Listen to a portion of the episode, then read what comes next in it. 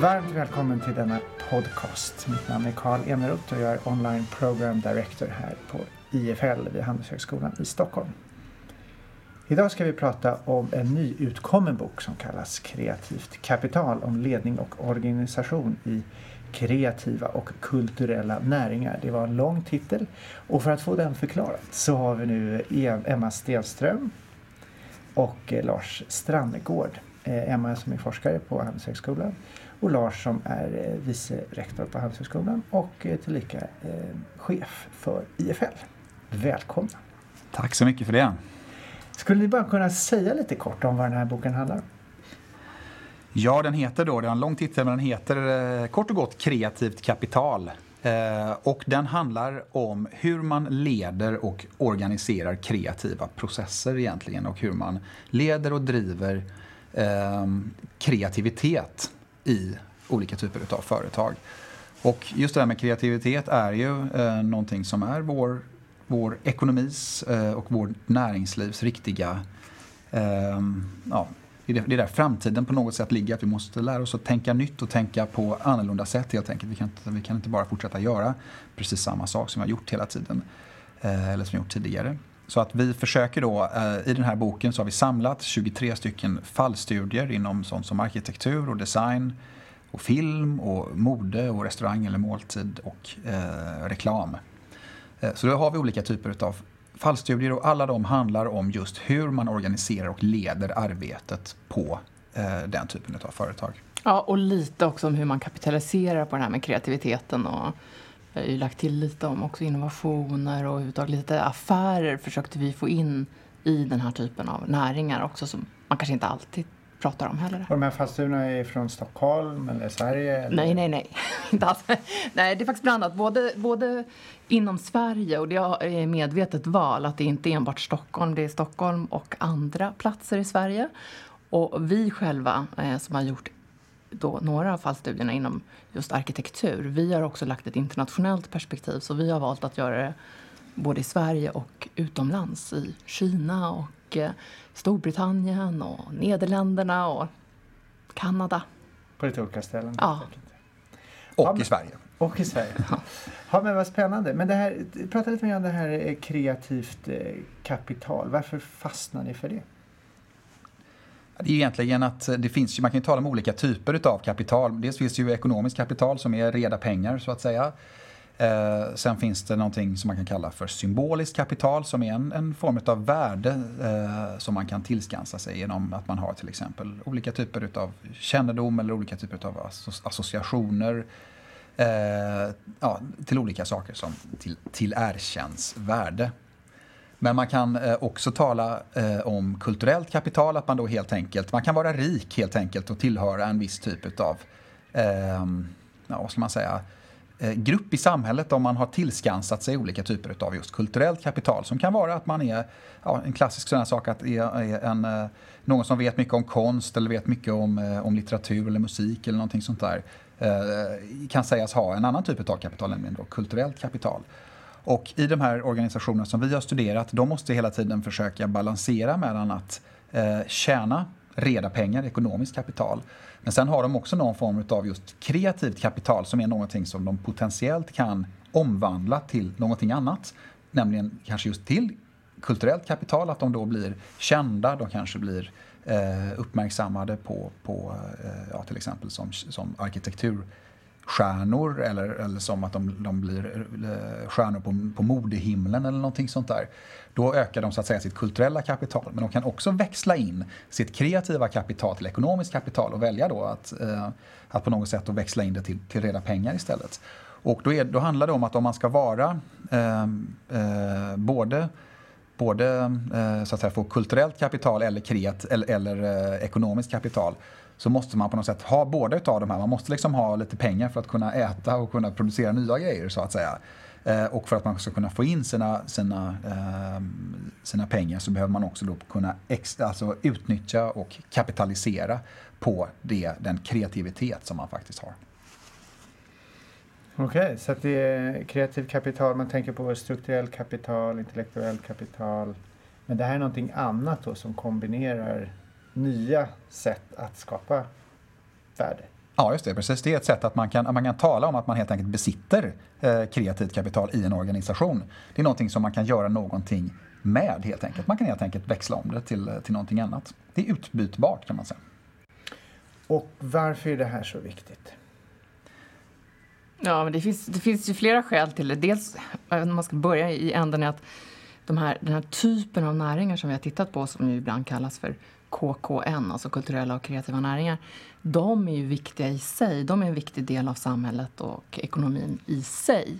Men de kanske inte alltid har uppmärksammats i den här typen av miljö på en handelshögskola till exempel. Så det är en, ett argument egentligen för varför man kan vara viktigt att titta på dem. För det är en viktig del av ekonomin.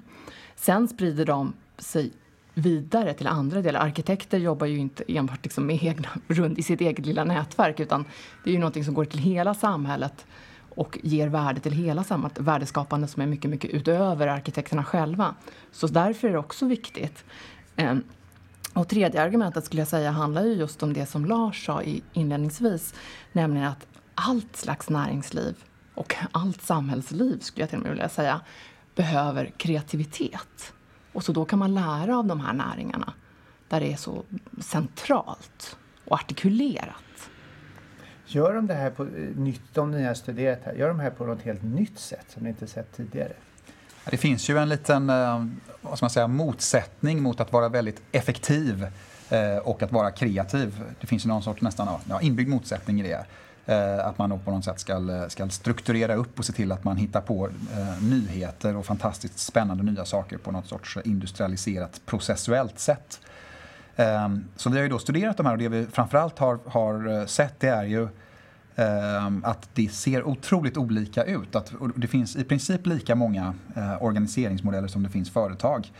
Eh, och då kan det vara till exempel att något företag de, eh, de fokuserar väldigt mycket på någon form av vision i framtiden, någon sorts mål som, eh, som de faktiskt vill, vill uppnå. Det kan vara en viss typ av estetik eller någon viss typ av eh, ja, väldigt, väldigt speciellt och klart utformat mål. Och sen är vägen fram dit kan se otroligt eh, annorlunda ut från, från fall till fall eller från projekt till projekt. Andra kanske kan ha en väldigt utstakad just process som är nästan som en sån här klassisk projektledningsprocess. Och sen så kommer det fram någonting som eh, i många fall är någonting som är nyskapande eller som inte är gjort förut eller som ser annorlunda ut helt enkelt. Som man kan, som man kan klassificera någon, som någonting kreativt som då vi menar är någon form av nyskapande. Eh, men det ser det ser otroligt eh, olika ut men alla de här företagen har naturligtvis olika arbetssätt och olika typer av processer för att eh, nå fram till detta. Och eh, om man tar då i, i eh, som exempel kan vi ta vårt eget som är då eh, arkitektur. Då såg vi, alla de som vi studerade, så, så såg vi olika typer utav, även om det var individuella som jag sa, eh, arbetsformer, så kan man ändå klustra dem på något sätt. Eh, och då kan man se att någon till exempel håller på med eh, någonting som vi kallar för skolmodellen. Där man egentligen arbetar jättemycket med eh, praktikanter som, som kommer direkt in från, eh, från eh, skolans värld och är så att säga fräscha i sin syn att eh, se på världen. Och sen så försöker man att arbeta med någon sorts nästan lär, lärlings eh, eller mentorvariant där man, där man kommer in och sen så sätter man, sätter man såna här skolgrupper på olika typer av projekt och sen väljs det projekt som verkar vara mest spännande eller har mest potential vidareutvecklar man sen. Eh, det går ju att göra lite, lite skalbart, eh, möjligen att göra det. Och då har man helt enkelt väldigt man vet inte alls vad det, ska, vad det ska bli sen i slutet. Det är ganska odefinierade mål men man vet exakt, eh, eh ja egentligen, man vet hur man gör själva skolorganiseringen utav den. Men sen har man då eh, det som vi kallar för genimodellen. Då är det att det finns en klart lysande stjärna, ofta en man då, en manlig arkitekt faktiskt, även, eh, även om det finns undantag. Eh, som då är den som lägger sin vakande hand över allting som, säger att, som, som gör på något sätt tummen upp eller tummen ner åt det som resten av organisationen producerar. Eh, det finns också en som är då det som vi kallar för, för en stilmodell som är att man har en väldigt uttalad estetik. Så att man, när man börjar arbeta på ett sånt arkitektkontor då ser man direkt att det är den här typen av estetik eller den här typen av uttryck som är liksom, eh, någonting som är utmärkande för just vårt kontor. Och då lär man sig, den, den tysta kunskapen överförs på något sätt och då börjar man automatiskt arbeta så även om, eh, i enlighet med den estetiken. Så att även om man aldrig någonsin har har ritat en, eh, en byggnad som, som är signerat från just det arkitektkontoret så, så, så socialiseras man så att säga in i en viss typ av uttryckssätt. Eh, och så det är en väldigt stark då, man kan säga företagskultur som är estetiskt ehm, ja, driven av estetik egentligen. Och sen har vi då naturligtvis det som vi kallar för metodmodellen som är, en, är just en väldigt mer klassisk projektorientering. att man har olika kontrollstationer, man, eh, man har en exakt process för hur man, hur, hur man går, till, går tillväga. Nästan lite design thinking så att säga. Och den sista är vad som man brukar göra då? Eller? Ja, det kan man egentligen säga. Att det, då har man, eh, man vet inte exakt vad det är man ska komma fram till men man har ett väldigt klart definierat sätt att arbeta på. Alltså, när du säger brukar, vad tänker du på då? Tänker, brukar Nej, den, de den, känner man ju igen, metoden. Ja, och det kanske beror på att du inte alltid rör i de här näringarna. För jag skulle säga att de varierar rätt mycket i, i de här näringarna. Det kanske är ett sånt där typiskt IFL-perspektiv. Alltså mycket traditionellt näringsliv kanske har jobbat mycket med metodmodeller men det finns andra modeller för att organisera kreativa processer. Och det är ju en av de sakerna som vi försöker lyfta fram i den här boken. Kan du ge några exempel på skolmodellen kontra stilmodellen? Eller? Som ni kommit bland arkitekter för det har ni studerat ja. mest Ja, eh, ja, det finns ju, alltså kan man säga det här är ju idealtyper. Och, eh, och, och, det har ju landat i en liten sån här snygg fyrfältare som vi gillar att göra här på den här skolan. Eh, så självklart så finns det ingen som är renodlad kan man säga. Men man kan ju se liksom starkare, do, mer dominerande inslag. Eh, och till exempel skulle jag säga att eh, stilmodellen, man kan se det på ett par av våra de här internationella arkitektkontoren vi har tittat på, Sahadid, om man känner till det, är eh, rätt mycket orienterad mot någon slags stilmodell, en rätt typisk estetik som i sig möjliggörs också via teknik, vilket är jätteintressant, men det kan vi komma in på sen kanske. Eh, men en, en rätt eh, igenkänningsbar estetik. Man ser ett Sahadid-hus och tänker att det är ett Sahadid-hus. Även om hon själv kanske aldrig har varit i närheten ja, hon har inte Nej, och det är också jätteintressant. Men nu kanske vi komplicerar det här i podcasten. Men man kan säga så här, från utsidan så kan det nästan tyckas som att det styrs via en genimodell. För Sahadid inom medie har använts mycket i medier som liksom lyfts fram som geniet men i praktiken skulle jag ju var, visa... Var är hon verksam? Var kommer hon? Hon är internationell förstår jag. Ja, var, hon kommer från Irak från ja. början men, hon är, men eh, hennes kontor ligger i London. Men de är ju verksamma över hela uh, jorden ska vi säga. Mm. Och väldigt medvetet så för det är så man liksom sprider risker mm. och man rör sig mellan olika miljöer och så. Eh, men, men där... Det, jag skulle säga att det är stilmodellen, fast från utsidan kan man kanske tro att det är genimodellen, men det är ju nog snarare en mediestrategi. Men snarare jobbar man mot en stilmodell och det är inte så att hon är den som styr med järnhand varenda byggnad. Även om hon är tacksam att lyfta fram liksom, på någon så här, ut mot kunder och medier. Eh, skolmodellen eh, finns eh, bland annat ett nederländskt kontor som är rätt känt och som är på väg in mot Stockholm, tror vi, eh, som heter OMA, Office of Metropolitan Architecture med Rem Koolhaas som en av sex partners. Eh, och där arbetar man ju väldigt, väldigt tydligt med att ta in praktikanter från hela världen hela tiden. Eh, man, man ser till, de, de stannar inte kvar, men alla bär med sig lite av OMA ut. Saadid till exempel själv från början har hon arbetat på OMA men sen liksom gått vidare. Det är rätt också typiskt för de här en del av de här kontoren skulle jag säga. Eh, man arbetar jättenära akademin. Man, man är gästprofessorer, man kör stora forskningsprojekt. Man arbetar väldigt interdisciplinärt. Eh, man har inte den där givna estetiken. Det är inte så man kan säga att jaha, här ser man direkt att det är ett OMA-hus. Eh, utan snarare så, så jobbar man med att liksom plocka fram vad kommer fram genom att blanda de här. Det är mycket interdisciplinärt, det är mycket eh, internationellt, det är mycket liksom, föra ihop nya tankar, nya idéer och jobba mot uppdragsgivare och se vad som kommer ut ur det. Så, så tillvida är det mer liksom, odefinierat vad gäller både mål och medel. Eh är tillräckligt som ett exempel?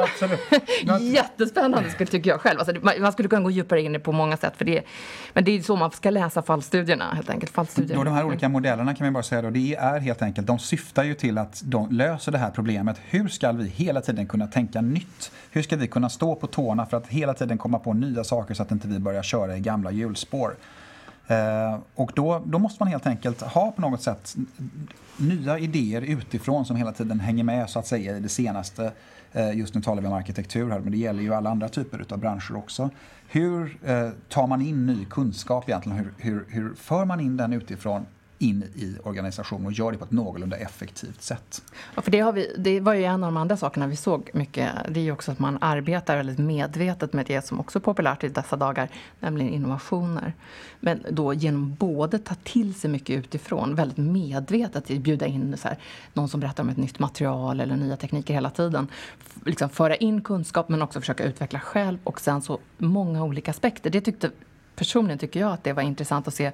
Det är inte enbart i, i de estetiska aspekterna utan man jobbar också med nya organisationsformer, nya affärsmodeller, nya sätt att skapa värde, förstås eh, hållbarhetsmodeller, eh, intellektuell innovation. Hur, hur, hur enkelt är det att flytta mellan, om man har en metod som har satt sig och så får man då typ av samma resultat därför att man gör på samma sätt och så vill man då byta för att förnya sig. Hur enkelt är det att byta till en annan metod, en annan modell? Går det eller sitter det så djupt nere? Så att det ja, ofta är det en, en väldigt eh, integrerad del av eh, själva det, den, det, det kontoret, det måste man ju säga. Men Tanken med dem är ju att de just inte ska leda till den här typen av stelbenta strukturer. Och om de, om de de facto leder till det, då måste man ju försöka tänka om. Men det är ju som vilken eh, kulturförändring som helst i vilket företag som helst. Nämligen fruktansvärt svårt eh, att göra. Att flytta på, ja. Ja, precis. Så det kreativa kapitalet kräver en viss struktur, en viss metod för att producera sig? Eller självregenerera alltså regenerera sig? Ja, precis. För, men, det är så att, att alla eh, men, processer för att tjäna pengar behöver du ha en, en affärsmodell så att säga för att kunna göra det. Och för en, eh, konstnärliga processer, de finns också. Det är inte bara så att man eh, ställer sig vid ett staffli och sen så kommer inspirationen från, från Gud och sen överför man det på, på en målning och sen säljer man den för 800 miljoner. Det är inte så det funkar utan det, det de konstnärliga processerna har ju också sin struktur. Eh, och de, ser, eh, de har det i sig i, i grunden. Och när eh, det som i de här fallen då, i de kreativa näringarna det, då handlar det ju om just organisationer och då behöver ju fler personer involveras i detta. Så då blir det, då blir det, eh, eh, ja, det är någonting som, som man helt enkelt måste styra upp eh, mer eller mindre medvetet. Så att säga. Vissa av de här företagen som vi har studerat har ju egentligen Eh, en modell som kanske inte är helt eh, planerad från början utan den har satt sig så att säga. För att den har fungerat? Ja, och sen har vi ju då eh, studerat framgångsrika kan man ju säga. Det är ju alltid det, man gör för att de, de, som inte är så framgångsrika har ju försvunnit så de är ju svåra att studera så att säga om man gör intervjuer därför att de kanske har eh, gått i konkurs eller så. Men den här studien har ju inte handlat om, eh, om att studera just det. Eh, men då, då ser vi i alla fall att, att den här typen utav, utav ja, alltså kollektiva processer måste helt enkelt organiseras. Det är det som är det viktiga. Jag tänker på en annan sak när du pratar nu. Eh, det är ju också att rätt kännetecknande för de som vi studerade, det varierar lite mellan olika fallstudier, men bland våra arkitektkontor så var ju alla väldigt mm, måna om att påpeka att det liksom inte i första hand för att tjäna pengar man gör det här. Utan det finns ju alltid andra värden och sen är pengarna ett medel för att kunna åstadkomma det man vill. Men det finns ju alltid något annat som driver så det är inte i första hand vinstintresse. Och några av våra kontor, även de här liksom stora som man kanske från utsidan kan tycka väldigt eh, affärsmässigt drivna liksom på alla sätt och vis vill åtminstone ge sken av att det inte är pengar som driver dem. De är väldigt måna om det. Men är det, är det ärligt uppsåt eller är ja, det, det tro, en retorik? Nej, men jag tror att det är mycket, alltså, nu kanske, vi kanske tycker olika, men jag tror att det är mycket, och det, detta är på sätt och vis också ett problem, det ser vi också när vi tittar på dem. Eh, man brukar prata om den här typen av företag som passionsföretag. Det, jag, jag vet det själv, jag har själv arbetat lite i den här svängen. Eh, det kan ibland till exempel vara problem med att få folk att inte överlevereras, få alltså anställda medarbetare. För att alla, man brinner så otroligt mycket för att göra den här perfekta byggnaden, alltså för att rita det, det man liksom verkligen drömmer om och vill och det ska stå liksom i hundratals år framöver. Och det, är liksom så, det är så stort och det är så viktigt så man är beredd att lägga ner hur mycket som helst. Och det är ju en affärsmässig utmaning i de här pensionsföretagen. Det är såklart att det är, det är fantastiskt på många sätt, men det finns också en utmaning. Och, men jag skulle säga, jag jag är ju idealist, vill jag ju bara liksom göra en liten så varningsklocka för. Men Jag skulle nog säga att väldigt många av de här är helt ärliga i sitt uppsåt. Att det är ju inte pengarna i första hand. Sen behövs det pengar för att kunna göra det man vill. Men det är inte pengarna som driver, utan det är ju att åstadkomma. Det är där de här olika värdena blir så viktiga. Så, men kan det vara så att de här olika modellerna gör det enklare för persondrivna företag att ta sig fram? Och hur lätt är det att kopiera? Ja, det är alltså... Eh, men det man kan säga också, eh, det är ju att alla de här företagen har också en väldigt uttalad personalidé. Egentligen. De är väldigt tydliga med vilken typ av eh, individ det är som, som de vill eh, eh, ska verka hos dem eller arbeta eh, hos dem. Och det tror jag är, och det, är något som är väldigt strategiskt. Vi talar ju då om att man ska ha en affärsidé. och då är det liksom hur man gör business så att säga. Det har ju de naturligtvis också, men de är mest där hur vi ska göra bra eh, byggnader eller skapa hög, ehm, ja egentligen kreativitet på något sätt. Men de är, de är eh, väldigt, väldigt uttalade och säger att det är den här typen av individer. Så det är, så vi, vi, eh, I en av de här kapitlen så leker man med idén, med, idén affärsidé kontra personalidé. Och personalidén, därför så det är individerna i sig och deras eh, och den, konstellation man skapar som är det som faktiskt ger resultat sen. Så att de är otroligt måna om att hitta rätt personer som passar in då, naturligtvis i enlighet med de här modellerna som de då arbetar ut efter. Så det passar ju inte riktigt, om det är svårt att eh, om du, att rekrytera in någon i ett, eh, i ett, på ett kontor eller till ett företag som, som har en, en eh, organiseringsmodell som inte alls rimmar med den individen helt enkelt. Så att det, är, det är mycket matchning som sker där. Så vad ska man tänka på om man då vill söka sig till sådana här branscher? För det är ju lite av en dröm kan jag tänka mig att få, få vara med där. Vad ska man tänka på? Då är det viktigt, eh, tror jag, som individ att man då verkligen förstår eh, alltså hur, vilken typ av idé är det som faktiskt driver den här typen av företag. Eh, vad är det som de är intresserade av att skapa? Det är inte så att, det är inte så att man per automatik som... Ja, vanligtvis så tror man ju att, så att säga, inom citattecken, vanliga företag, de vill alltid växa, och de vill alltid eh, tjäna mer pengar. Och det är inte så säkert att den här typen av företag alltid är så intresserade av det. Däremot så är de, eh, skulle vi nog våga oss på att säga att de allihopa är intresserade av att bli kända och få då just ett ökat kulturellt kapital och bli mer eh, inflytelserika eh, i just det som de gör. Däremot så kommer, så kommer pengar i andra hand eh, för några av de här företagen. Så att eh, om man vill börja arbeta i den typen av bolag då får man ju tänka efter vad, om, man, om ens egen eh, passion och person passar in i just det företaget som man är intresserad av. Så man måste plugga på helt enkelt. Det måste man alltid göra, men kanske ännu mer just här då. Men man kan väl också säga att med ökat kulturellt kapital så, finns, så kan man göra pengar på det också. Om uppmärksamhet är det som saknas i en värld av för mycket information. Ja, precis. Ja, det, det är ju rätt smart ja, det är det, men, men, men, men, samtidigt är det då att det är liksom ett kapital som man kan, som jag sa inledningsvis, det kreativa kapitalet, det kan du växla in till antingen kulturellt eller kreativt, eller, eller ekonomiskt, enkelt uttryckt. Och om du då väljer att växla in det i ekonomiskt kapital gång efter annan, då har du liksom konsumerat det kapitalet i någon mån så att din möjlighet att bygga kulturellt kapital kan eventuellt minska. Därför att du lägger så att säga, ju mer, jag menar det är så analogin är lite grann att är du en, en skicklig konstnär då kan du naturligtvis bli en Damien Hirst som lyckas bli både rik och bibehålla någon form av högt kulturellt kapital så att han ställs ut på de fina museerna och så. Men det kan också bli så i den här branschen att du så att säga blir en sellout lite grann. Va? Att du då bestämmer dig för att eh, pengarna är det viktiga istället, istället. Och jag bryr mig inte om att skapa så mycket nyskapande utan jag trycker eh, på play-knappen gång efter annan och gör samma typ av Eh, projekt gång efter annan. Och då blir du mindre intressant i branschen och ditt kulturella kapital kanske minskar samtidigt som pengarna på ditt konto fylls på.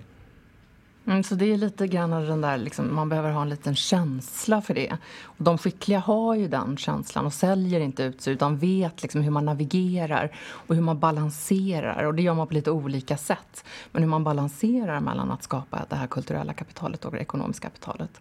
Eh, och de oskickliga, de tror jag, de kan trilla ner åt ena eller andra hållet skulle jag mm, vilja säga. Precis. För att om, man bara, om man inte bryr sig om pengarna alls då sitter man ju och, eh, och, och tuggar på ramarna sen efter ett slag och då har man liksom ingen möjlighet. Om man inte har mat för dagen då är det väldigt svårt att vara kreativ också. Så vad kan vi lära oss av eh, det kreativa kapitalet? Om man inte är i den branschen, vad kan man ta med sig här för att Ja, ja, men eh, man, jag tror att en, eh, en viktig lärdom det är, det, det är väl just det att allt fler företag idag faktiskt är beroende utav nytänkande och kreativitet. Så det finns oändligt mycket att lära sig utav de här. Och att man då överhuvudtaget särkopplar kreativa företag från andra typer av företag, det, det tycker vi då är, eh, både Emma och jag och de flesta andra i den här boken också, är en styggelse att egentligen göra. Utan man måste försöka se eh, vad är det i, ens, i, i, i liksom traditionella företag som faktiskt är eh, kreativt, vilket är jättemycket och då, och då finns det väldigt mycket att lära sig. Just alla de här sakerna Eh, hur man då har en väldigt uttalad personalidé, hur man driver sina processer framåt på ett sätt som gör att man, eh, att man eh, lyckas ta in ny kunskap hela tiden därför att fler och fler företag är beroende av ny kunskap. Hur man organiserar upp det helt enkelt så att man ständigt är är på tå och kommer på nya saker. Det behöver inte handla om arkitektur, eller musik, eller mode eller design. Det kan handla om, det kan handla om stål, eller det kan handla om skog, eller det kan handla om vad som helst egentligen. För den här typen av processer och tankesätt eh, växer i alla typer av branscher.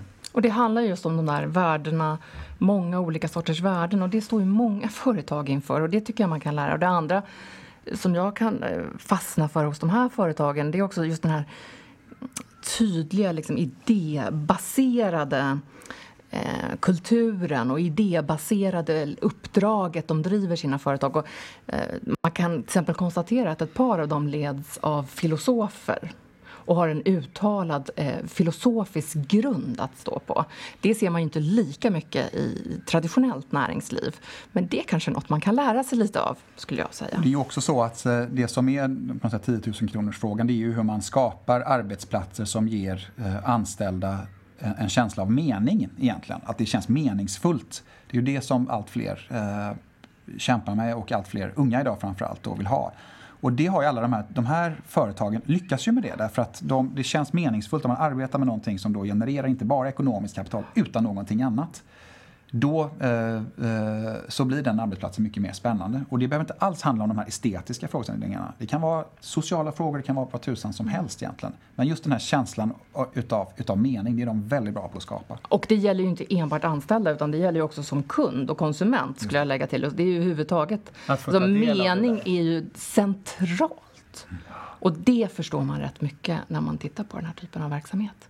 Så det i sin tur genererar, om man får dit eh, personer som drivs av sin passion, så driver det också företaget så att det finns en idé kring. Ja, förhoppningsvis också kunder och, och uppdragsgivare. Som får vara med på resan. Och, och, ja, och för att man liksom ändå satsar på det, det, det är meningsbärande uttryck man arbetar med.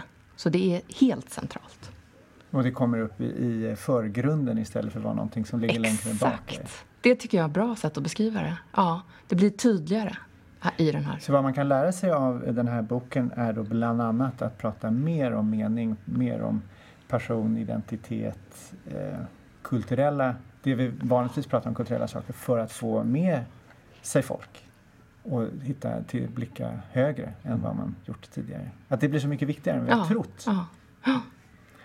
Men vad spännande. Är det någonting mer ni vill lägga till? Ja, det finns ju hur mycket som helst att säga. Det, det, vi skulle kunna prata evigheter men eh, vi får väl rekommendera att man läser boken istället. Precis. Vad bra. Stort tack eh, Emma Stenström, forskare på Handelshögskolan och eh, Lars Stannegård, tillika professor på Handelshögskolan i Stockholm. Jag heter Karl Eneroth, online program director på eh, IFL och eh, vill ni lyssna på andra podcasts så gå gärna in på www.ifl.se inspiration. Tack så mycket. Tack så mycket själv. Tack, tack. Tack, tack.